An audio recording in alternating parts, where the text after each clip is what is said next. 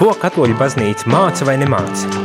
Klausies priesteru katehēzi katru darba dienas rītu pulksteni 9 vai atkārtojumā 11. vakarā.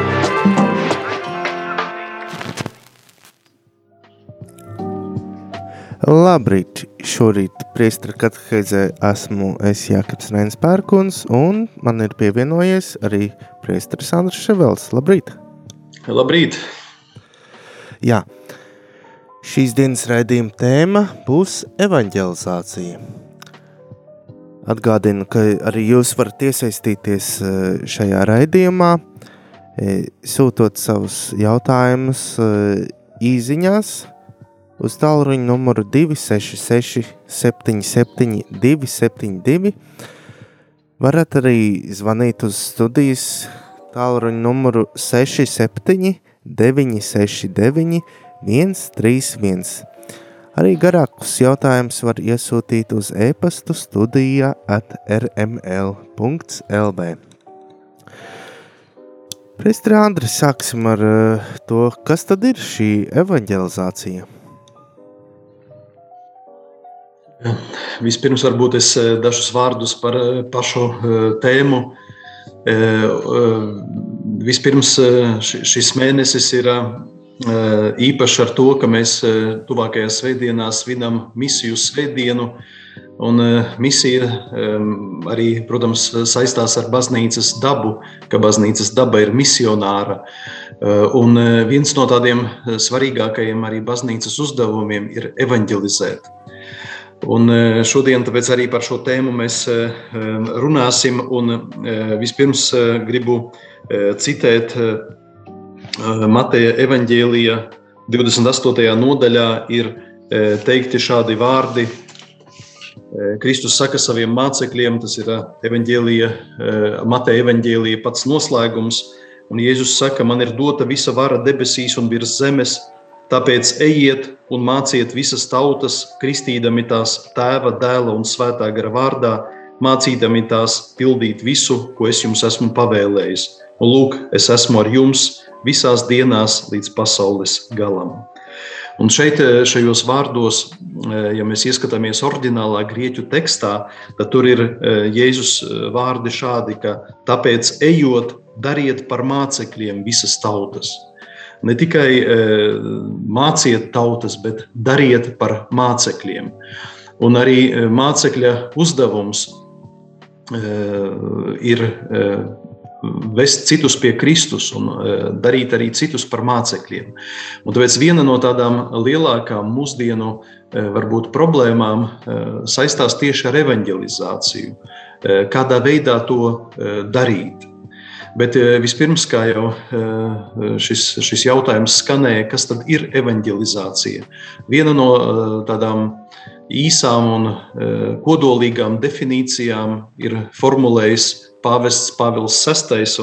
Man šeit priekšā arī ir e, dokuments, e, apustuliskais pamudinājums Evangelija Nunciandi, kas izdots 1974. gadā.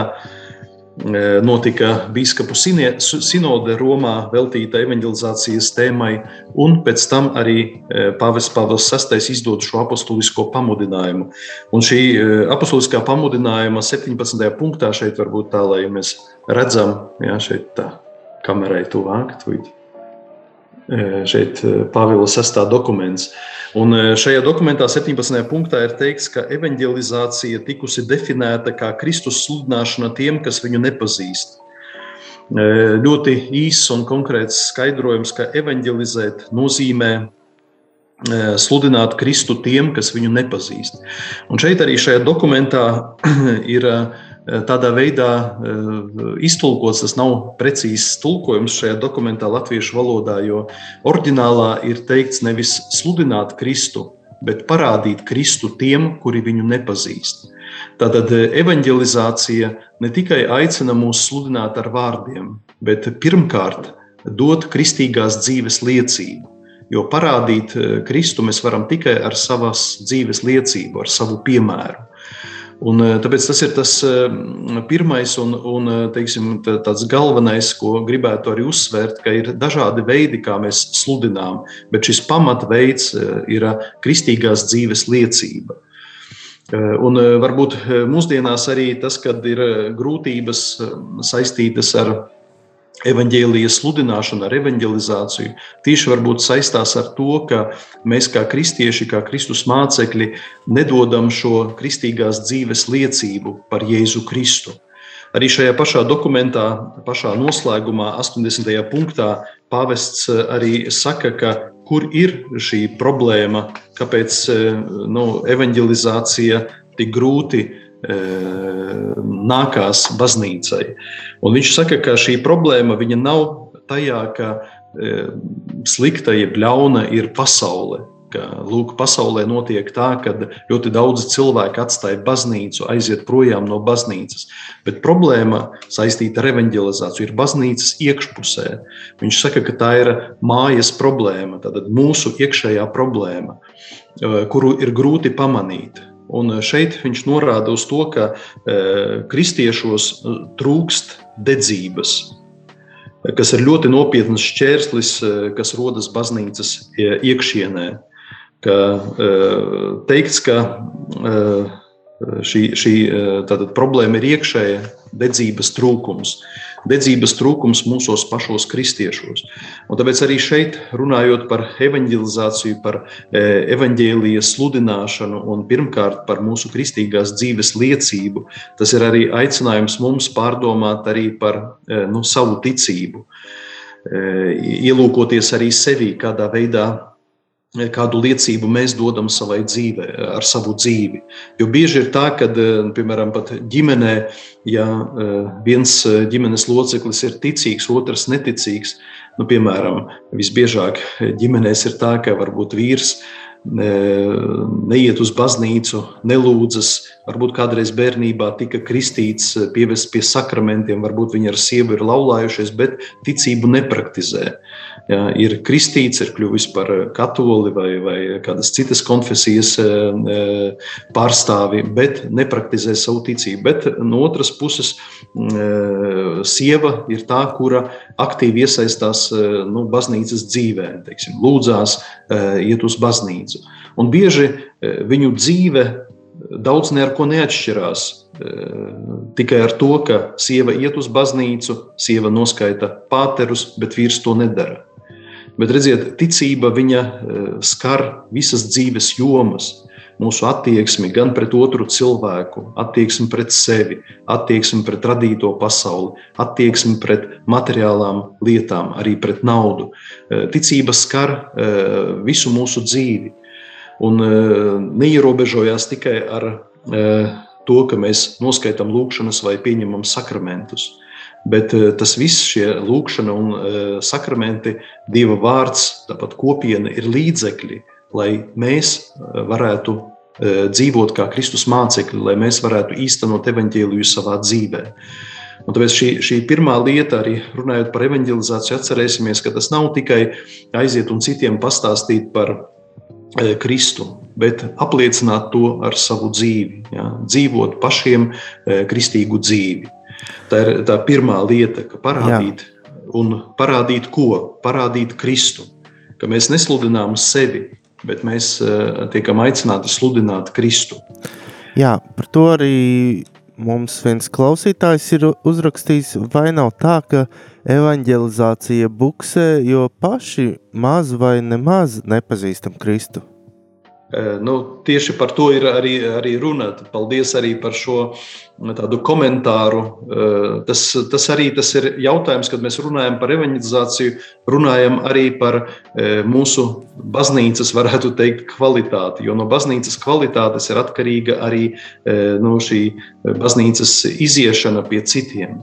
Jo, ja es esmu sastapis Kristu, kā mēs lasām teiksim, Jāņa evanģēlijā, kad eh, Jānis un, eh, Jānis un Andrejs eh, seko Kristum, jā, Jānis Kristītājs norāda uz viņu, saka, lūk, Dieva jērs, kas nes pasaules grēkus, tad divi viņa mācekļi, Jāņa Kristītāja mācekļi, tātad Andrejs un Jānis seko Jēzum. Un, kad Jēzus viņiem saka, ka, ko jūs meklējat, viņš saka, kur tu dzīvo? Un Jēzus saka, nāciet un skatieties. Un viņi paliek pie Jēzus. Un pēc tam, ko dara nākošajā dienā Andrejs? Pirmā lieta, viņš skrien pie sava brāļa un saka, mēs atradām mesiju. Ja, uzreiz grib dalīties šajā priecīgajā vēstī, ka lūk, mesija, kuru gaidīja gadsimtiem, viņš jau ir, ir mūsu vidū un nāc iepazīsties ar viņu un atved Pēteri pie, pie Jēzus. Tāpat arī pēc tam mēs redzam arī Filipu, kurš atved pie Jēzus Natanēlu. Un, un, piemēram, pēc tam 4. nodaļā Jāņa evanģēlijā mēs lasām par samarieti, kura sastopoties ar Jēzu pie Jēkaba akas, dodas atpakaļ uz savu pilsētu un pilsētā, veselu pilsētu atved pie Jēzus. Ja, kad es, es atklāju mesiju, ja, es sastapu mesiju. Un pēc tam šie cilvēki arī, arī izsaka tādus ļoti zīmīgus vārdus, ka mēs ticam vairs nevis tāpēc, ka tu mums to pateici, bet ka mēs paši sastapām Jēzu. Un šeit, šeit šī, šī tā pirmā lieta arī šajā definīcijā, ja, kad parādīt Kristu tiem, kas viņu netic, tiem, kas viņam netic, ja, kad parādīt Kristu ar savas dzīves liecību. Un tālāk arī tiek runāts, ka Jeb šeit varētu šajā definīcijā arī pievērst uzmanību, kas ta, kam tad ir jāparāda Kristus. Nu, kas ir tie, kuri to dara? Un šeit, redziet, bieži mēs arī runājam par evanģelizāciju. Mums liekas, ka nu, ar evanģelizāciju ir jānodarbojas nu, tādiem, varētu teikt, profesionāļiem, garīdzniekiem, biskupiem, pāvestam, klostera ļaudīm. Bet aizmirstam, ka katrs cilvēks Jo tas arī izskanēja iepriekšējās katehēzēs, kas bija uh, iepriekšējās dienās, kad uh, kristības sakramentā mēs jau saņemam šo uh, uzdevumu, šo misiju sludināt Kristu, liecināt par Kristu. Tātad katrs cilvēks, katrs, kas ir kristīts, ne tikai ordinētie priesteri vai, vai klosteri ļaudis, bet katrs lais, katrs kristītais, viņa uzdevums ir sludināt un arī liecināt par Jēzu Kristu. Šī ir tā, tā arī tāda nu, teiksim, lieta, kur, kurai arī mēs varbūt paējam nedaudz garām, uzskatot, ka nu, ne jau man ar to evanģelizāciju ir jānodarbojas, lai nodarbojas garīdznieki un klostera ļaudis. Jā, vēl jautājumu. Nu, tā tad ir šī problēma, nu, ka var jau iet visu mūžu uz baznīcu un nepazīt Dievu un nemainīties, bet ja, ja baznīca nav tā vieta, kur tieši iepazīt Kristu, tad kā, kā atrast to veidu, kā, kā katram iepazīt Jēzu un iedraudzēties ar viņu? Vai? Jā, šeit, šeit varbūt es arī e, minēšu vienu e, tādu e, gadījumu, kadreiz lasīju interviju ar vienu franču bīskapu. Un šajā intervijā šim bīskapam tika uzdots tāds jautājums, ko baznīca nu, darīs šajā laikā pēc pandēmijas, kā cilvēkus, vai ir kādas idejas, kā cilvēkus atvest uz baznīcu. Jo, kā mēs zinām, arī daudz cilvēku arī šajā pandēmijas laikā, eh, kuri eh, attālinājās no baznīcas, viņi vairs uz baznīcu arī nenāk. Ir jūtams arī, ka baznīcā ir mazāk cilvēku nekā bija pirms pandēmijas. Un, lūk, tas jautājums, eh, vai jums ir kādas idejas, kā cilvēkus atvest uz baznīcu? Un man pārsteidza tas, ka šis biskups žurnālistam saka, mani tas neinteresē. Ja, mani tas neinteresē, kā cilvēkus atvest. Mani interesē viens, kā cilvēkus vest uz dziļāku Jēzus pazīšanu. Jo, ja, Jēzus, ja, ja cilvēks sastapsies ar Jēzu, ja, tad baznīca būs pilna. Jā, bet, ja baznīca būs pilna un cilvēki nebūs sastapušies ar Jēzu, tad, tad eh, arī tai pilnai baznīcai nebūs lielas nozīmes, lielas jēgas. Tad šis eh, pamats eh, pirmais ir pašiem būt par Jēzus mācekļiem. Un tagad atbildot uz to jautājumu, ko arī klausītājs uzdod, kādā veidā mēs varam iepazīties ar Jēzu. Redziet, baznīcās un draudzēs arī ir vajadzīga, Pāvests arī par to runā, par tādu pastorālo atgriešanos, nedaudz mainīt arī, arī e, par to e, runa būs arī e, nākošajos raidījumos rītā. Bet pirmā, pirmā tāda lieta, kad varbūt draudzē, kas ir nu, draudz, draudzē var būt vairāki tūkstoši cilvēku, ka, protams, kad ir nu, tāda masa, ļoti grūti mums arī varbūt iepazīt viens otru. Ļoti grūti mums arī nu, daudzas lietas darīt kopā. Mēs atnākam, mēs esam tādi anonīmi, mēs atnācām, nostājām dievkalpojumu un aizgājām mājās. Un tāpēc, lai cilvēks ticībā varētu pieaugt, par to runā Otrais Vatikāna koncils, kad labi būtu, kad draudze, draudze mēs saprastu kā kopienu kopienu. Ja, ka ir kopienas, mazas kopienas, kas veido, e, veido draugu. E, arī kad e, notika brīnumainā maizes pavairošana un bija atnākuši 5000 vīriešu klausīties Jēzu, neskaitot sievietes un bērnus. Tas nozīmē, ka tas bija daudz vairāk šo cilvēku. Tad Jēzus lika mācekļiem, lai viņus sasēdina grupās pa 50 cilvēkiem. Un šeit varbūt mēs arī varam pamanīt arī šo, šo Jēzus metodi, kad, e, ja ir draudzene liela, sadalīt viņu mazākās grupās, pa 40, 30, 20 cilvēki. Un, un e, tad tādā mazākā grupā, kur cilvēki viens otru pazīst, kur mēs vairs neesam anonīmi, kur mēs esam e, tiešām kā brāļi un māsas, kas veidojam kopīgu Kristus kopienu, ja, kur mēs esam pulcējušies Kristus vārdā, tad arī mēs kopīgi gan lasot Dieva vārdu, arī daloties šajā Dieva vārdā, ne tikai klausoties garīdznieka uzrunu vai skaidrojumu, kas arī ir vajadzīgs Bet arī ļoti būtiski ir, lai mēs paši dalītos arī šajā pieredzē, kā es e, izdzīvoju šo evaņģēliju, e, ko man saka šis Dieva vārds, ja, ko atklāja par Dievu, par mani, e, par otru cilvēku, ja, ka šajās lietās arī dalīties. Tāpat arī iet sakramentu dziļākā tādā izpratnē, padziļināt caur katehēzēm, saprast, kas ir šie sakramenti, kā mēs varam auglīgāk ņemt dalību šajos sakramentos, ja, lai viņi nestu augļus, ietekmētu mūsu dzīvi. Tāpat arī lūkšanas dzīvi, ja, pa, padziļināt lūkšanas dzīvi.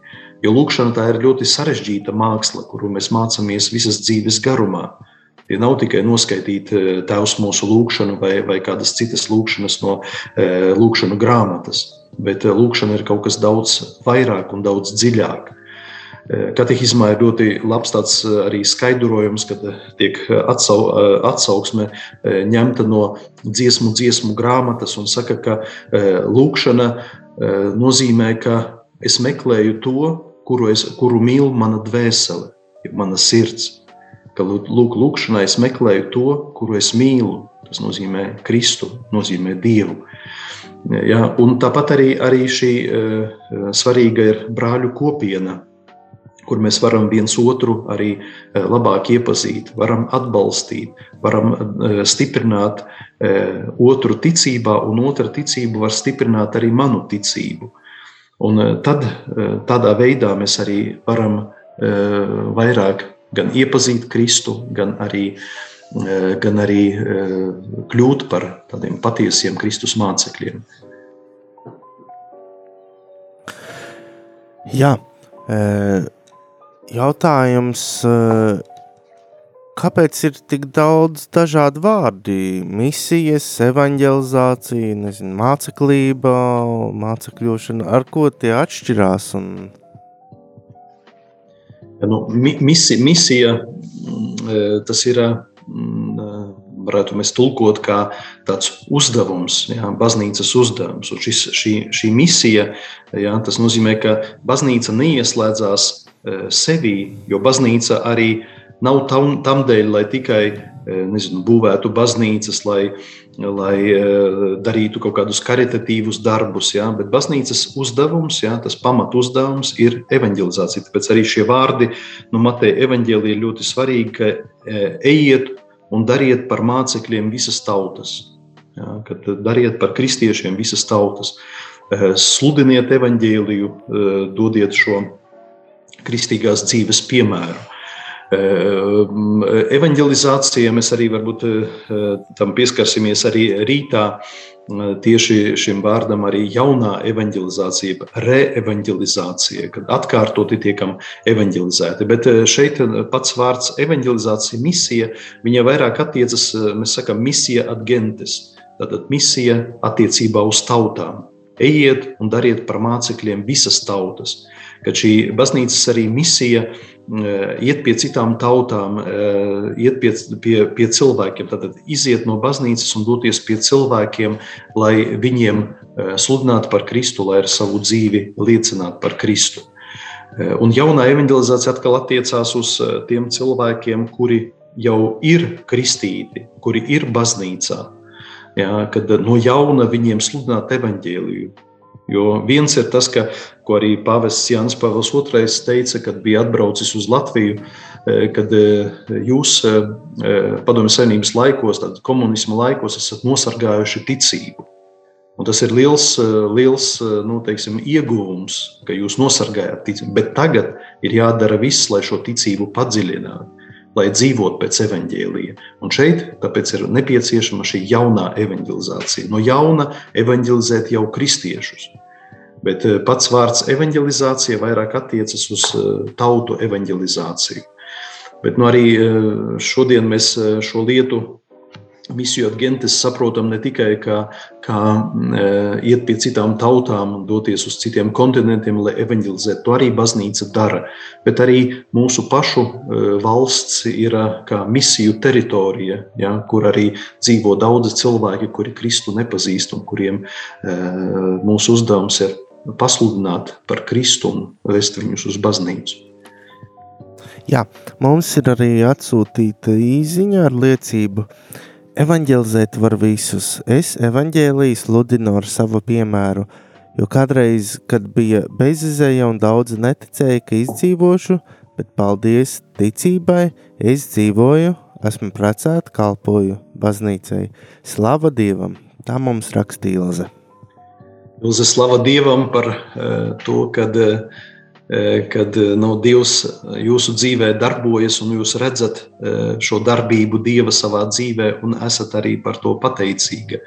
Tātad arī, arī citiem ar savu dzīvi liecināt. Paldies jums par šo liecību un arī dalīšanos ar mums. Jā, turpināsim. Kādi ir evanģelizācijas veidi, kā veikt šo evanģelizāciju? Nu šeit arī mēs atsauksimies uz šo e, dokumentu e, Evangelija Nunciandi. Viņš tomēr skaitās šis dokuments kā pamats, e, pamats evanģelizācijai. Ja kāds grib nodarboties ar evanģelizāciju, tad arī katram ieteiktu iepazīties ar šo dokumentu.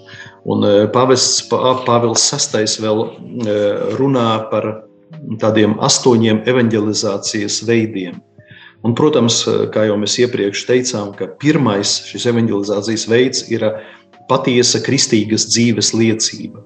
Un e, mums labi ir zināmi šie vārdi, ko e, šajā dokumentā raksta pāvests Pāvils VI, un kuru vēlāk atkārto visi nākamie pāvesti.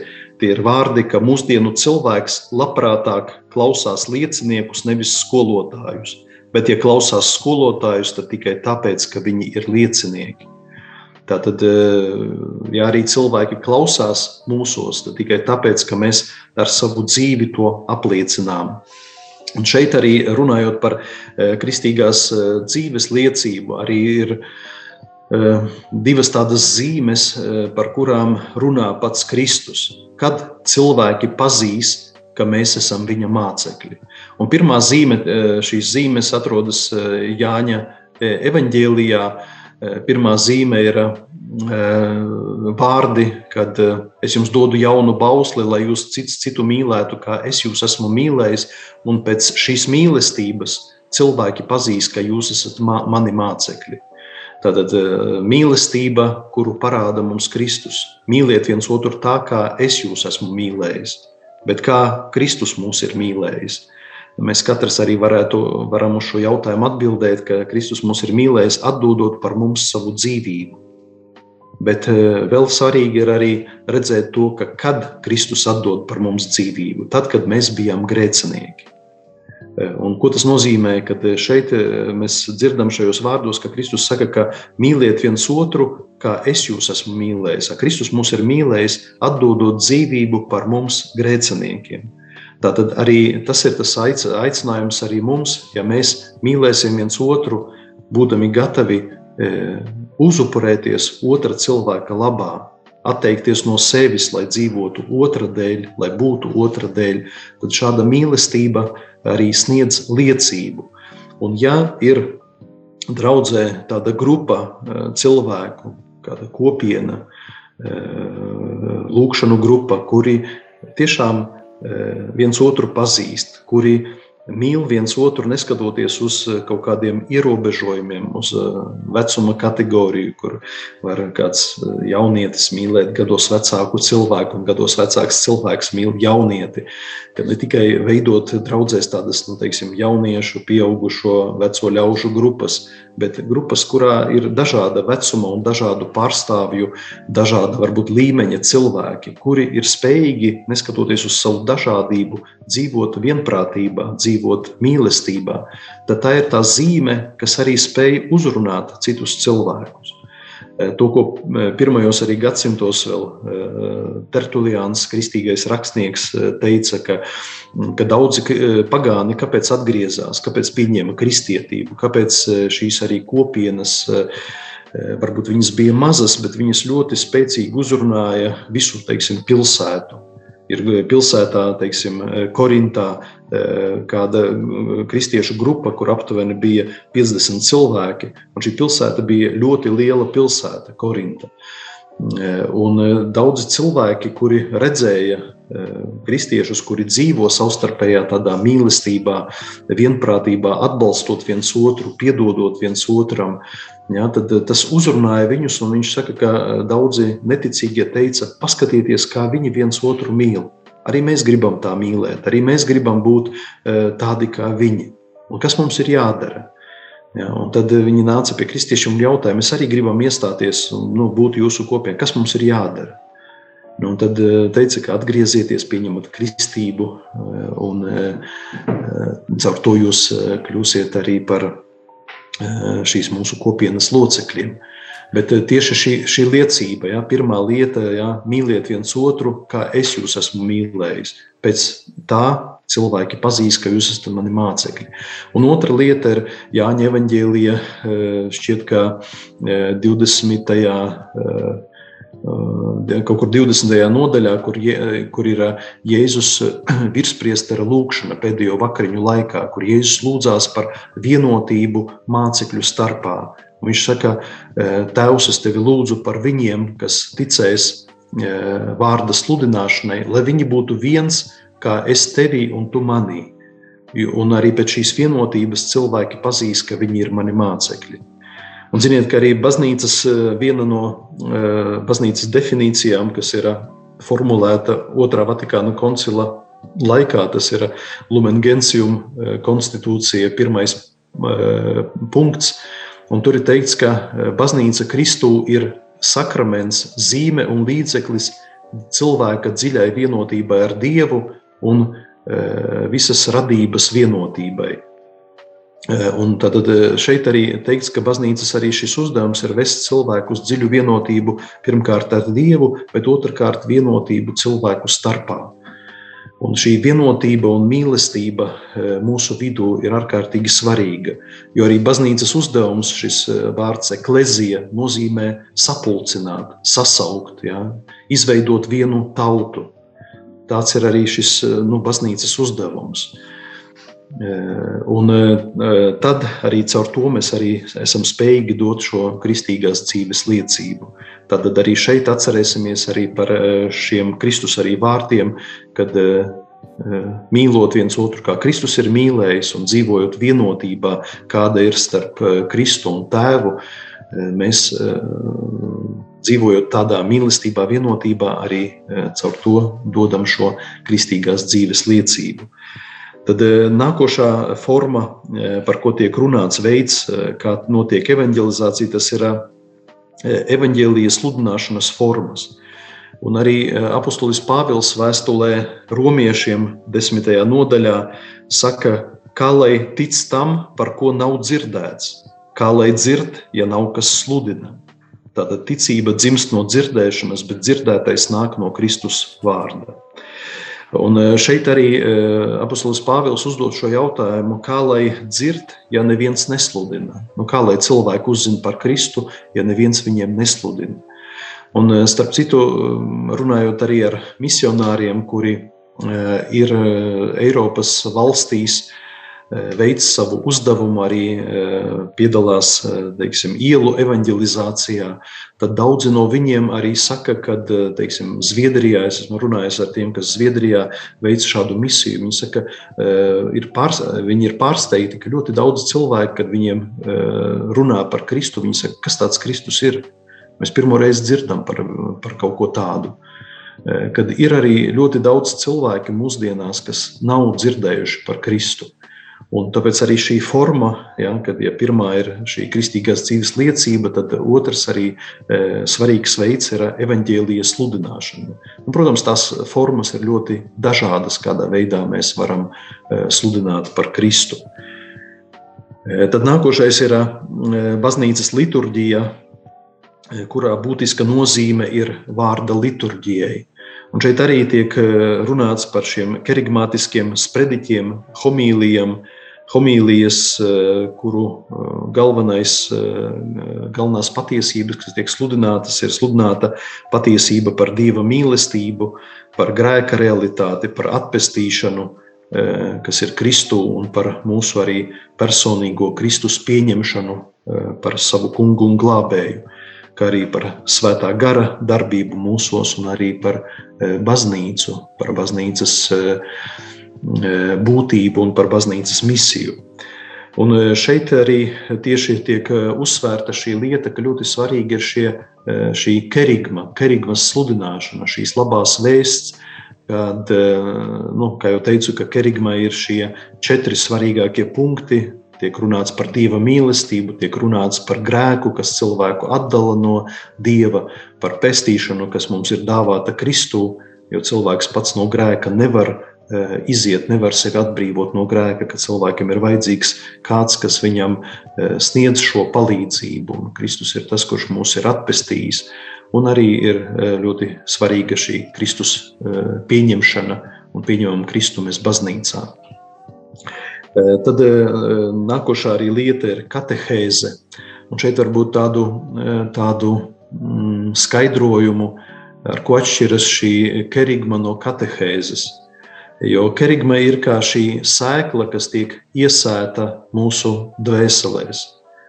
E, un pēc tam katehēze ir kā tāda nu, rūpes, lai šī sēkla, e, laistīšana un, un e, nu, rūpes, lai šī sēkla varētu attīstīties un augt. Ja netiek pasludināta cilvēkam kerigma, Ja, bet tikai cilvēks tiek katehizēts, tātad saikla netika iesēta, un ir visu laiku cilvēks laista zemi un domā, ka no tās kaut kas izaugs, bet nekas neaug.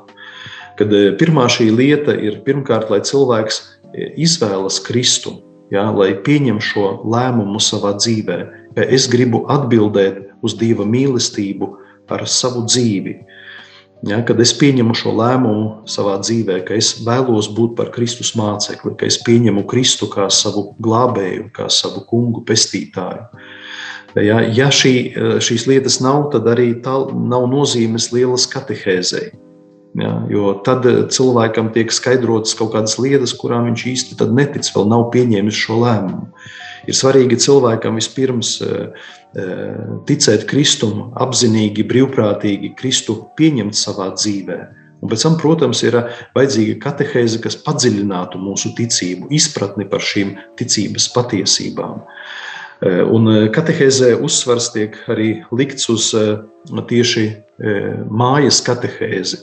Visbiežāk mēs šo katehēzes uzdevumu atdodam profesionāļu rokās, tātad katehētiem, lai katehēti gatavo mūsu bērnus, jauniešus, lai baznīca rūpējas par to, lai viņi saņemtu katehēzi, tātad tiktu ievadīti kristīgajā dzīvē. Bet tomēr pirmā katehēze, par ko tiek runāts, notiek ģimenē. Ne tikai ar skaidrojumiem, bet arī ar savas dzīves piemēru.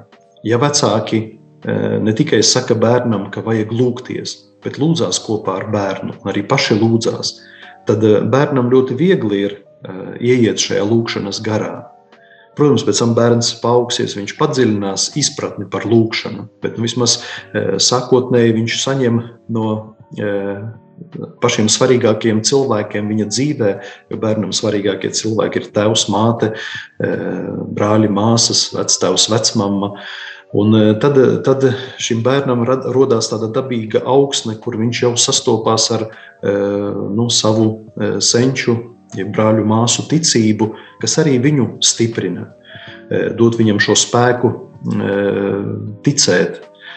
Jo redziet, arī bērni ir ļoti atvērti līdz kaut kādam vecumam, laikam līdz kādiem sešiem, septiņiem gadiem. Viņi ļoti ir atvērti un viņi paši pat uzdod jautājumus. Daudzi vecāki arī nu, saka, piemēram, ka bērns pajautā, saka, mammu, e, bet Dievs mūs ir radījis. Bet kas ir radījis Dievu? Ja, citreiz bērni uzdod tādus jautājumus, un vecāki saka, es pat nezinu, kā atbildēt uz šādu jautājumu. Vai arī e, mammu Dievs ir dzīvs, nu, tā kā mēs esam dzīvi. Ja? Mēs ēdam katru dienu, bet ko ēd Dievs? Jautā bērni. Un tad bērni citreiz arī saka, vai Dievs ēd mākoņus? E, vai arī e, kādu atceros sarunu, viens tēvs stāstīja, ka dēls viņam jautā, ka tēti, kas ir radījis sātanu? Tētis tā apjuka no, no tāda jautājuma, saka, nu es nezinu, nu, ja visu ir radījis Dievs, varbūt Dievs ir radījis sātanu. Bet šis dēls saka, nu tēti, nu Dievs radīja visu labu. Nevar būt, ka Dievs ir radījis ļaunu. Tad tētis pats saka, nu jā, laikam tev ir taisnība, ka, ka Dievs radīja eņģeļus, bet e, sātans radīja sevi pats jā, caur savu izvēli.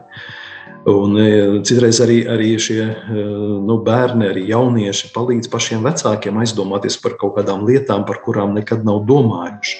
Un šie jautājumi, kas no viņu puses tiek iz, e, uzdoti, arī ir ļoti nu, interesanti un var arī palīdzēt mums pašiem aizdomāties par daudzām lietām.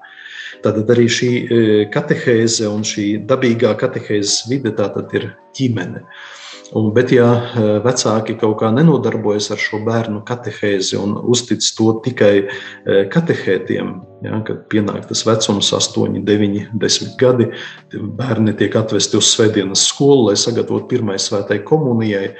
Bet, ja bērns pat iziet un, e, varētu teikt, kā teicamnieks pabeidz svētdienas skolu, tas vēl maz bērnam dod. Es pats atceros tādus brīžus, kad draudzē e, ir pirmā svētā komunija, svētki, ir kopīgs galds, vai tur pēc, pēc mises arī ir spēles. Un tad, e, nu, runājot ar bērniem, saku, nu, vat, jūs šodien pieņa, saņēmāt pirmo svēto komuniju, vai jūs nākošajā sēdienā atnāksiet uz baznīcu? Un e, ir bērni, kuri arī atklāti saka, nē, mēs neatnāksim. Citreiz pat ar asarām acīs. Un kad jautā, kāpēc? Un bērns atbild, tāpēc, ka mani vecāki uz baznīcu neiet, bet mēs dzīvojam kaut kur tālāk, un es pats nevaru atbraukt uz baznīcu. Ja, kad eh, lūk, šī eh, lieta, kad eh, nu, nav šī, šī arī atbalstība, nav tādas dabīgas vidas bērnam, kur viņš var redzēt ticību, kas tiek izdzīvota ikdienā.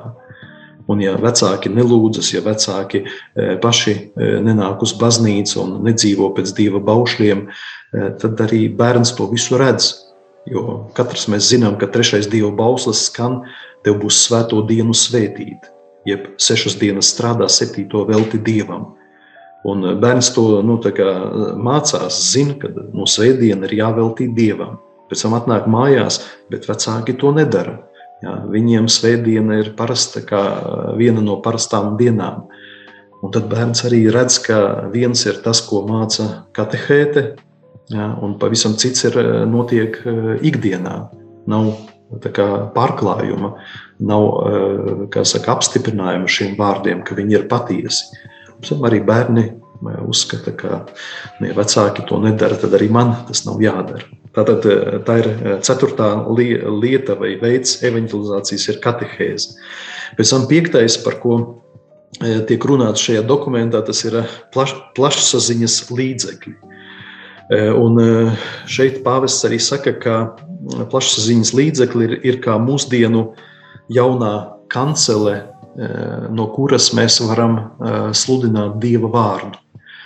Un plašsaziņas līdzekļi, to, ko arī darat jūs, evanģelizācijas darbā, Radio Marija Latvija, tāpat arī gan kristīgā prese, gan daudzas lietas, kas, kas ir pieejamas caur Facebook starpniecību, vai arī, vai arī internetā. Daudzas lietas mēs varam uzzināt, lasīt, klausīties, ka tas viss kalpo evanģelizācijai, ka tas palīdz arī cilvēkiem, kuri ir šajā vidē, arī šeit nu, saņemt šo labo vēsti. Man kādreiz uzrunāja Svētā Maksimiliāna Kolbes vārdi, kuriem arī piekrītu. Viņš vēl savā laikā, tas ir vēl pirms otrā pasaules kara, viņš teica, ka ja mums nebūs kristīgās preses, radio un televīzijas, tad pēc 20 gadiem mūsu baznīcas būs tukšas. Ja, kad arī šeit Maksimilians Kolbe tieši uzsver šo nozīmi prese, kristīgai presei, radio un televīzijai. Un šodien mēs arī vēl teiktu arī internetam, kurā arī kur ir laba platforma, kuram arī mēs varam sludināt evaņģēliju, dalīties arī savā ticības dzīvē un pieredzē. Tad nākošā lieta ir personiskā ticības pieredze. Arī mēs varam atcerēties no evaņģēlija šīs sarunas, kad piemēram, Nikodēms naktī atnāk pie Jēzus, lai ar viņu runātu. Šī personīgā tikšanās ar Jēzu, pēc tam tikšanās ar samarieti, par kuru arī minēju raidījuma sākumā, ka samarieti satiekot Kristu un atpazīstot viņā mesiju, dodas uz pilsētu un saka visiem iedzīvotājiem, ka lūk, es sastapu mesiju. Viņi paši grib personīgi redzēt Jēzu, kurš ir mesija, un dodas uz satikšanos ar viņu. Pēc tam arī Zaheja apmeklēšana, ka Jēzus arī Zahejam saka, ka man šodien ir vajadzība būt tavā namā. Tas nozīmē, ka es gribu šodien apmeklēt tevi. Un eh, tas arī Zaheju ļoti eh, uzrunā, ka viņš maina savu dzīvi. Un arī apstuļu darbos mēs redzam, arī, kad apstuļi ar savas dzīves liecību uzrunā apkārtējos iedzīvotājus, cilvēkus.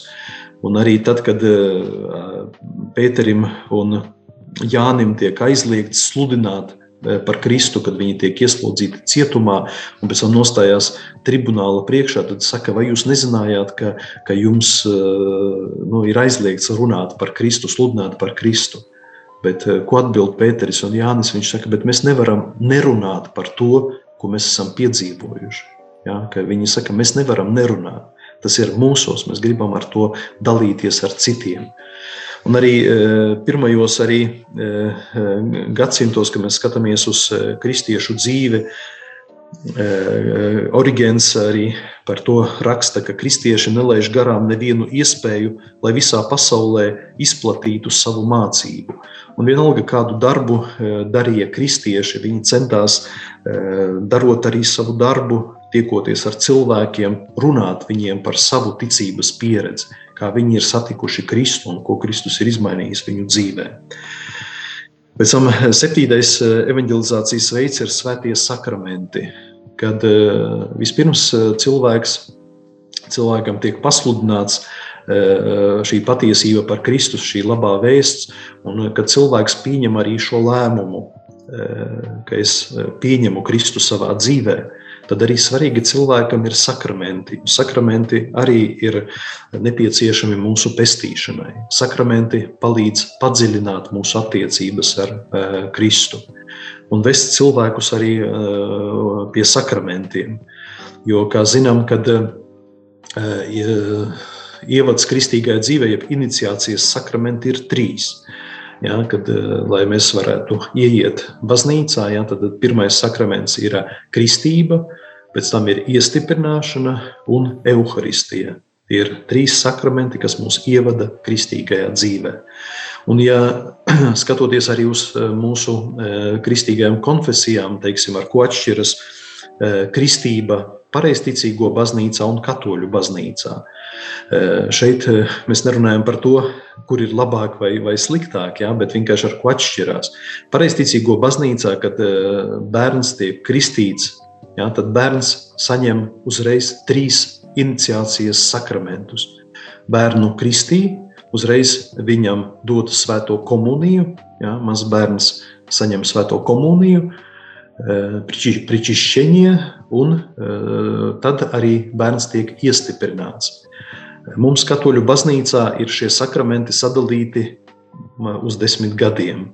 Ja, pirmkārt, bērns saņem kristību, pēc tam ir svētdienas skola un pirmā svētā komunija, šis otrais sakraments iniciācijas, un pēc tam bērns no biskupa rokām, jo katoļu baznīcā iestiprināšanas sakramenti ir rezervēta biskupam, lai gan arī varētu ar biskupa atļauju jebkurš priesteris piešķirt šo sakramentu.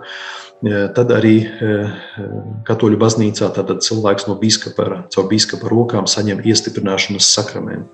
Un šie sakramenti saucās iniciācijas sakramenti, kas ievada mūs kristīgajā dzīvē. Tad ir divi sakramenti, kas dziedina cilvēka miesu un dvēseli. Tā ir grēksūdza un slimnieku sakraments. Un ir divi sakramenti, kas kalpo baznīcas un sabiedrības kopīgam labumam. Tā ir priesterība un laulība. Kā redzam, arī ir ļoti svarīgi šie, šie sakramenti, sevišķi šie iniciācijas sakramenti, lai mēs varētu ieiet kristīgajā dzīvē.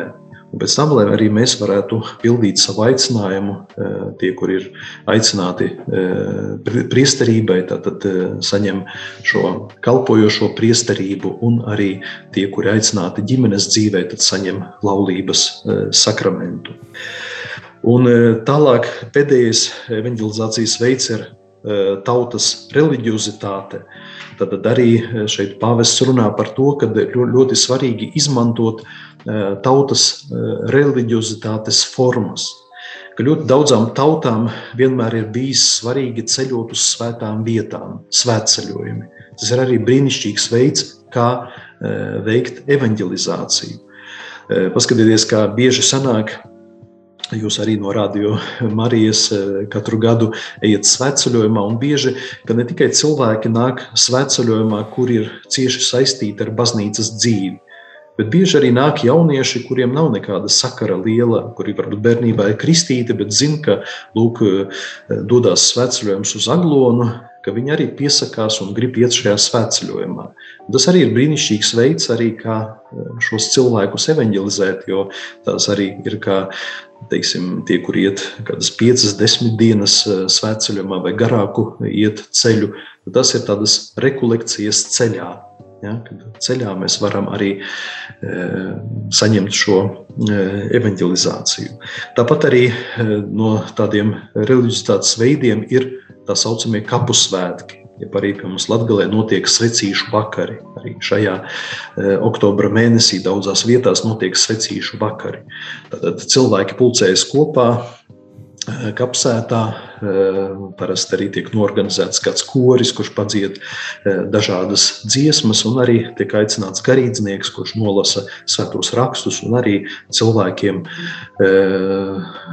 skaidro šos svētos rakstus un arī parāda Jo lūkšana par mirušajiem arī ir gan mūsu ticības apliecinājums mūžīgai dzīvei, gan arī norāda uz to, ka mēs atceramies savus mirušos, ka mēs par viņiem lūdzamies, ka viņi mums ir svarīgi, un mēs ticam, ka ir mūžīgā dzīve, ka viņu dvēsele dzīvo.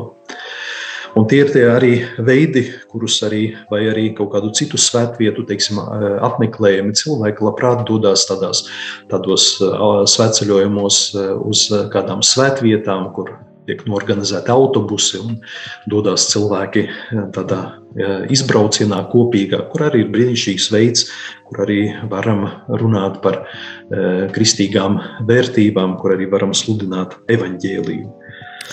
Jā, un šie, šie, tie, šie tie veidi, par kuriem arī tiek runāts šajā dokumentā. Ja kāds ir ieinteresēts un gribētu vairāk e, padziļināt šo izpratni par šiem evanģelizācijas veidiem, tad e, šis Pāvila sestā dokuments, Evangelīna un Ciandi, ir ļoti aktuāls arī šodien. Jā, paldies, ka ieskicēji šos īsumā šos veidus. E, negribēju pārtraukt, tāpēc, bet ir pienākušas arī dažas īziņas. Uh, man ļoti uzrunāja tas uh, salīdzinājums uh, par to sēklu un to zemes laistīšanu.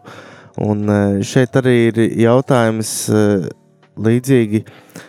Baznīcā, nu, es domāju, šajā gadījumā varbūt cilvēks domā svētajā misē, nerunā par praktisku atgriešanos, grēku nožēlu, labošanos, vai, vai svētā mise ir šis mērķis e, iesēt sēklu vai, vai laistīt e, šo augsni?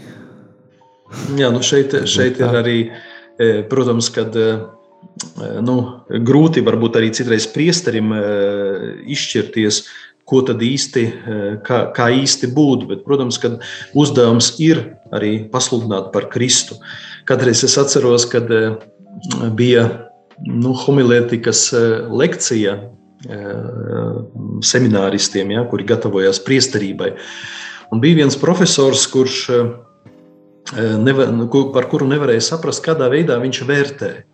Citreiz nebija ļoti interesants šis sprediķis, ja, bet viņš lika ļoti labu atzīmi, augstu atzīmi.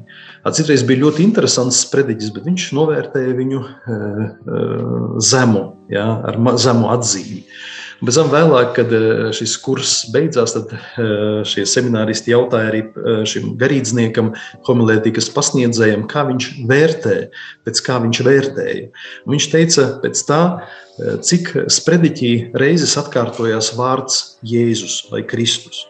Jo citreiz var būt arī tā, es tā pats citreiz pieķeru sevi pie šīs domas, kad tu pasaki sprediķi, bet sprediķī nevienu reizi neesi minējis vārdu Kristus neesmu runājis par Kristu, ja, par kādām citām lietām.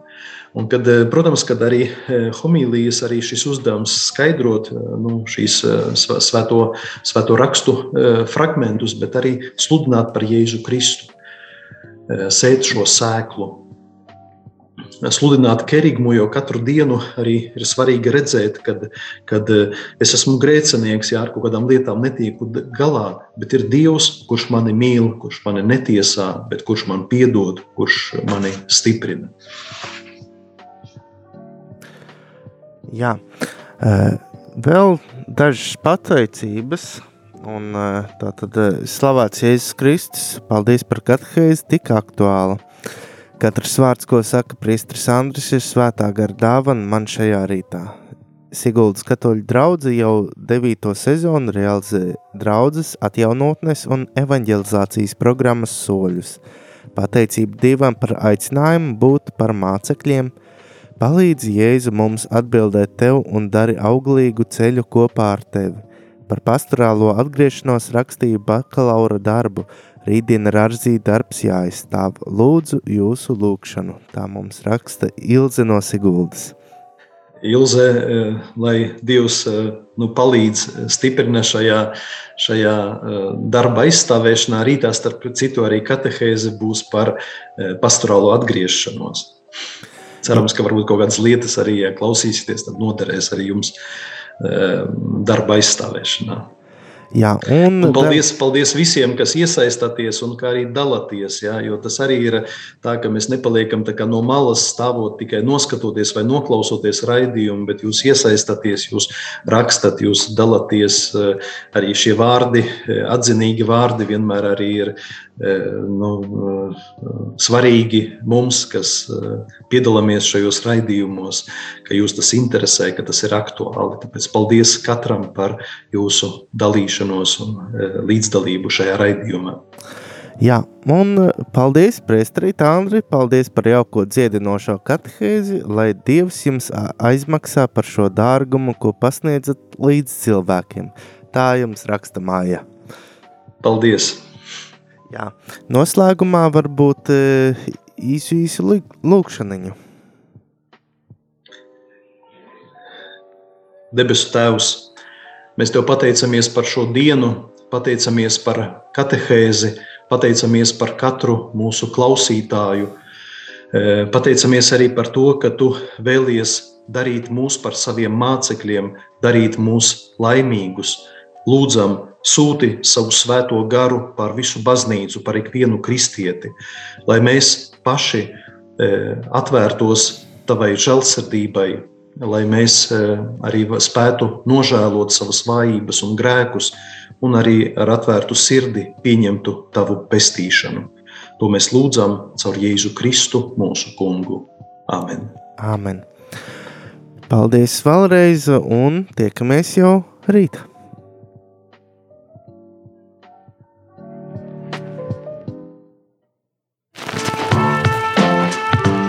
Jūs klausījāties priesteru katehēzi, kas ir iespējama pateicoties jūsu ziedojumam. Paldies!